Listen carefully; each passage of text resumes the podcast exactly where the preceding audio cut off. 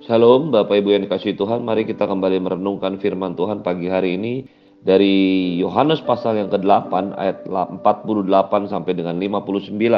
Yohanes pasal yang ke-8 ayat 48 sampai dengan 59. Yesus sudah ada sebelum Abraham. Orang-orang Yahudi menjawab Yesus, "Bukankah benar kalau kami katakan bahwa engkau orang Samaria dan kerasukan setan?" Jawab Yesus, "Aku tidak kerasukan setan, tetapi aku menghormati Bapakku dan kamu tidak menghormati aku. Tapi aku tidak mencari hormat bagiku, ada satu yang mencarinya dan dia juga yang menghakimi. Aku berkata kepadamu, sesungguhnya barang siapa menuruti firmanku, ia tidak akan mengalami maut sampai selama-lamanya. Kata orang-orang Yahudi kepadanya, sekarang kami tahu bahwa engkau kerasukan setan. Sebab Abraham telah mati dan demikian juga nabi-nabi. Namun engkau berkata, barang siapa menuruti firmanku, ia tidak akan mengalami maut sampai selama-lamanya. Adakah engkau lebih besar daripada bapa kami Abraham yang telah mati? Nabi-nabi pun telah mati, dengan siapakah engkau samakan dirimu? Jawab Yesus, jikalau aku memuliakan diriku sendiri, maka kemuliaan itu tidak ada artinya. Bapakulah yang memuliakan aku. Tentang siapa kamu berkata dia adalah Allah kami? Padahal kamu tidak mengenal dia, tetapi aku mengenal dia. Dan jika aku berkata aku tidak mengenal dia, maka aku adalah pendusta sama seperti kamu. Tetapi aku mengenal dia dan aku menuruti firman-Nya. Abraham bapamu bersuka cita bahwa ia akan melihat hariku dan ia telah melihatnya dan ia bersuka cita. Maka kata orang-orang Yahudi itu kepadanya, umurmu belum sampai 50 tahun dan engkau telah melihat Abraham. Maka kata Yesus kepada mereka, aku berkata kepadamu sesungguhnya sebelum Abraham jadi, aku telah ada. Lalu mereka mengambil batu untuk melempari dia. Tapi Yesus menghilang dan meninggalkan bait Allah. Bapak Ibu yang dikasih Tuhan, kita baru saja membaca ayat-ayat di mana sebelumnya Tuhan Yesus mengajarkan kepada orang-orang Farisi, orang-orang Yahudi yang mendengarkan pengajarannya bahwa bapak mereka adalah pendusta, bapak mereka adalah si jahat karena semua yang mereka lakukan adalah kejahatan. Kendati orang-orang Yahudi mengatakan bapa mereka adalah Abraham, lalu bapa mereka adalah Allah. Tapi dengan tegas Tuhan Yesus mengatakan kalau bapa mereka adalah Abraham, maka mereka akan menuruti pekerjaan Abraham. Kalau bapa mereka adalah Allah, maka mereka akan melakukan apa yang bapa kerjakan. Ketika orang-orang Farisi melihat apa yang dikatakan Tuhan Yesus, mendengar apa yang dikatakan Yesus terakhir, mereka menjadi marah, lalu mereka berkata, "Engkau kerasukan setan, engkau adalah orang Samaria." Yesus dengan tegas menjawabnya, "Aku tidak kerasukan setan, aku menghormati Bapakku dan kamu tidak menghormati aku. Aku tidak mencari hormat bagiku." Bapak Ibu yang dikasih Tuhan, dengan tegas Tuhan Yesus menyatakan, tidaklah mungkin dia kerasukan setan. Karena semua yang dia katakan, semua yang dia kerjakan, semua tindakan dia, karena ia menghormati Bapaknya. Bapak Ibu yang dikasih Tuhan, ketika Tuhan kita hormati, maka Tuhan juga yang kita kasihi. Ketika kita menghormati dan mengasihi Tuhan, tidaklah mungkin kita mengalami kerasukan setan. Karena ketika Anda dan saya menghormati Tuhan, mengasihi Tuhan, kita akan menjadi dekat dengan Tuhan. Tuhan Yesus tidak mencari hormat bagi dirinya sendiri. Ketika Yesus mengatakan ini, maka ini juga seharusnya menjadi pikiran kita menjadi satu tanda dalam hidup kita. Tidaklah mungkin bagi kita untuk mencari hormat bagi diri kita sendiri. Bapalah yang menghormati aku, kata Tuhan Yesus. Ketika dia mengatakan demikian, maka seharusnya inilah yang menjadi prinsip hidup kita. Tidak ada seorang pun di antara kita seharusnya mengambil kehormatan, mencari kehormatan bagi dirinya sendiri. Tapi biarlah Bapa yang menghormati kita. Bapalah yang menyatakan kepada dunia Bapalah yang menyatakan kepada banyak orang siapa kita di hadapan Allah. Ketika kita mencari hormat bagi dirinya sendiri, maka Bapa tidak menghormati kita. Tapi kita ketika kita menghormati dan mengasihi Tuhan, maka kita akan mendapatkan hormat daripada Bapa. Allah yang mengasihi kita juga, Dia akan memberikan kehormatan itu kepada kita. Pembicaraan Tuhan Yesus dengan orang-orang Farisi menjelaskan betapa dangkalnya pengertian orang-orang Yahudi, orang-orang Farisi tentang Tuhan. Barang siapa menuruti firmanku, kata Tuhan Yesus, dia tidak akan mengalami maut sampai selama-lamanya. Ketika Yesus menyatakan demikian, maka orang-orang Yahudi menjawab, ah memang sekarang kami tahu bahwa engkau adalah orang yang kerasukan setan. Abraham telah mati. Demikian juga nabi-nabi, tetapi engkau mengatakan tetap hidup. Tidak akan mengalami maut sampai selama-lamanya barang siapa yang menuruti firmanku. Bapak Ibu yang dikasih Tuhan, orang-orang Farisi adalah orang-orang yang percaya ada kehidupan kekal, ada kehidupan setelah kematian. Mereka tahu bahwa hidup ini tidak berakhir selama di dunia ini. Itu sebabnya mereka percaya kepada Allah. Tetapi perhatikan baik-baik ketika Tuhan Yesus mengatakan barang siapa menuruti firmanku, dia tidak akan mengalami maut selama-lamanya. Maka mereka justru mengatakan Yesus kerasukan setan. Bagaimana engkau bisa mengatakan tidak akan mengalami maut sampai selama-lamanya? Apakah engkau lebih besar daripada bapa kami Abraham yang telah mati? Nabi-nabi telah mati. Dengan siapakah engkau menyamakan diri? Ketika mereka berkata demikian, maka kita mengerti walaupun mereka percaya ada kehidupan setelah kematian, walaupun mereka percaya ada kehidupan kekal bersama-sama dengan Allah, tetapi mereka mengalami kesulitan untuk mengerti bagaimana Yesus mengatakan ada kehidupan kekal menuruti firman-Nya.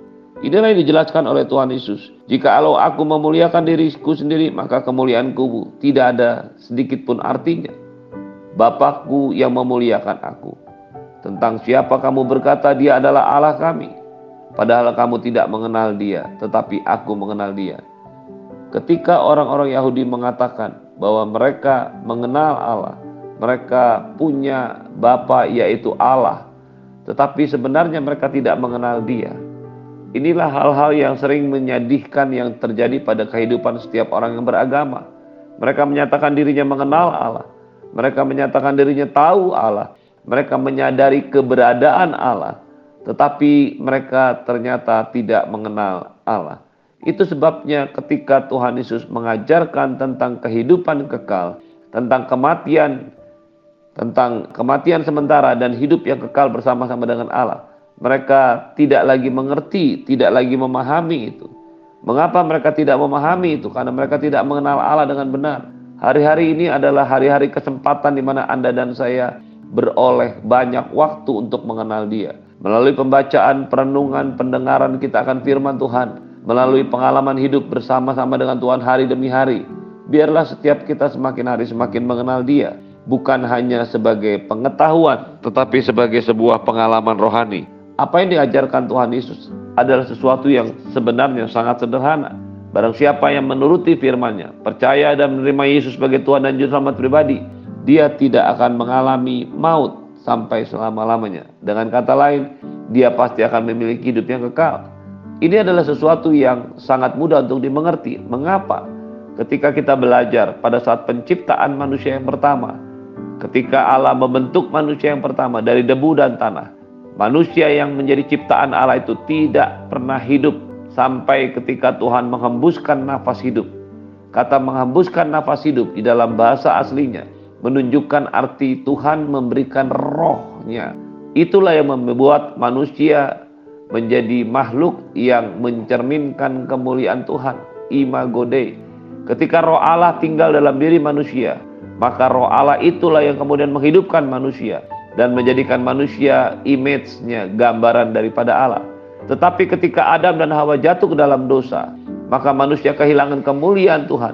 Kehilangan kemuliaan Tuhan yang dimaksudkan adalah kehilangan roh Allah. Ketika roh Allah meninggalkan mereka, maka kekekalan juga meninggalkan mereka. Itu sebabnya mereka tidak boleh lagi tinggal di Taman Eden dan mereka hidup di dunia ini. Bapak Ibu Saudara yang dikasih Tuhan, hal yang sama, kehilangan Maaf, hal yang sebaliknya terjadi ketika roh Tuhan kembali masuk dalam hidup Anda dan saya. Ketika kita menerima Tuhan Yesus sebagai Tuhan dan Juru Selamat pribadi. Yesus masuk dalam hidup kita, roh kudus masuk dalam hidup kita. Maka pada saat yang sama, kehidupan yang kekal itu masuk ke dalam diri kita. Inilah yang membuat Anda dan saya memiliki hak atas hidup yang kekal. Inilah yang menyebabkan Anda dan saya tidak akan mati untuk selama-lamanya. Inilah yang dikatakan dan diajarkan Tuhan Yesus. Inilah juga yang diketahui oleh orang-orang Farisi dan orang-orang Yahudi. Tetapi karena mereka tidak mengenal mereka, maaf, karena mereka tidak mengenal Allah, karena mereka tidak mau mengenal Yesus, maka semua yang dikatakan Tuhan Yesus dianggap sebagai sebuah kebohongan. Karena mereka melihat Abraham dan nabi-nabi yang mati, maka mereka berpikir Yesus atau siapa pun juga tidak akan pernah hidup selama-lamanya lagi. Mereka tidak belajar dari firman Tuhan, mereka tidak belajar dan mengenal Allah bahwa Allah adalah Allah orang mati dan orang hidup. Allah adalah Allah kekekalan yang membawa manusia ke dalam kekekalan. Tuhan Yesus mengatakan Abraham, Bapamu bersuka cita bahwa ia akan melihat hariku dan ia telah melihatnya dan ia bersuka cita. Ketika Yesus menyatakan ini, orang-orang Farisi, orang-orang Yahudi menjadi bingung dan mereka menjadi heran. Umurmu belum sampai 50 dan kau telah melihat Abraham. Mereka tidak mendengar dengan teliti apa yang Yesus katakan. Bukan dia, bukan Yesus melihat Abraham, tapi Abraham melihat Yesus. Itu sebabnya kata Yesus kepada mereka, Aku berkata kepadamu, sesungguhnya sebelum Abraham jadi, aku telah ada. Mereka menjadi marah lalu mencoba melempari Yesus dengan batu. Tapi Yesus menghilang dan meninggalkan bait Allah. Bapak Ibu yang dikasih Tuhan, bukan Yesus mampu melihat Abraham, tapi Abraham mampu melihat Yesus. Dengan ini Tuhan Yesus ingin menyatakan keilahian dirinya, ketuhanan dirinya. Bahwa dia adalah Tuhan, dia adalah Allah yang dilihat oleh Abraham, yang dibuat perjanjian oleh Abraham, yang ketika Abraham melihat Tuhan, lalu memuliakan Tuhan dan menyembahnya dan beribadah kepadanya, Abraham telah mampu melihat Allah, telah mampu melihat Yesus dengan benar, karena Yesus ada sebelum Abraham ada. Dialah Alfa dan Omega, dialah Alef dan Taf, dialah awal dan akhir. Firman itu adalah Allah. Pada mulanya adalah firman dan firman itu bersama-sama dengan Allah dan firman itu adalah Yesuslah sang firman yang sudah ada sejak awalnya. Dia bukan baru ada sejak dia dilahirkan ke dalam dunia oleh Maria, tetapi dia sudah ada sebelum manusia ini ada termasuk Abraham dengan demikian Yesus ingin menyatakan dirinya adalah Tuhan, pencipta langit dan bumi, awal dari semua yang ada. Dia sudah ada sebelum semuanya ada. Pagi hari ini, biar pengenalan kita akan Tuhan juga menjadi lengkap dan sempurna. Setiap kali kita belajar tentang Tuhan, bukan hanya tahu tetapi juga mengalami mengalami pengalaman pribadi dengan Tuhan.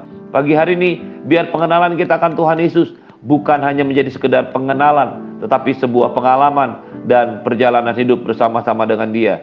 Ketika kita menyadari ini, ketika kita menyadari keilahian Yesus, ketuhanan Yesus, maka kita akan mengerti dengan siapa kita melangkah dalam hidup ini, dengan siapa, kepada siapa kita percaya, kepada siapa kita menyembah. Ketika pengenalan Anda dan saya lengkap tentang Yesus yang sebenarnya, maka kita akan tahu dan memiliki untuk berjalan bersama dengan Dia seumur hidup kita. Terimalah berkat yang berlimpah-limpah dari Bapa di surga, cinta kasih dari Tuhan Yesus, penyertaan yang sempurna daripada Roh Kudus, menyertai hidupmu hari ini dan sampai selama-lamanya. Di dalam nama Yesus tidak ada sakit penyakit virus bakteri apa pun yang menyentuhmu. Engkau akan aman, diberkati dalam pekerjaan, diberkati dalam rumah tangga, diberkati dalam bisnis dan pelayanan, diberkati rumah tanggamu, semuanya dengan berkat sulung dari Tuhan Yesus Kristus. Di dalam nama Tuhan Yesus semua yang percaya katakan amin. Shalom. Selamat pagi, Tuhan Yesus memberkati. Selamat beraktivitas.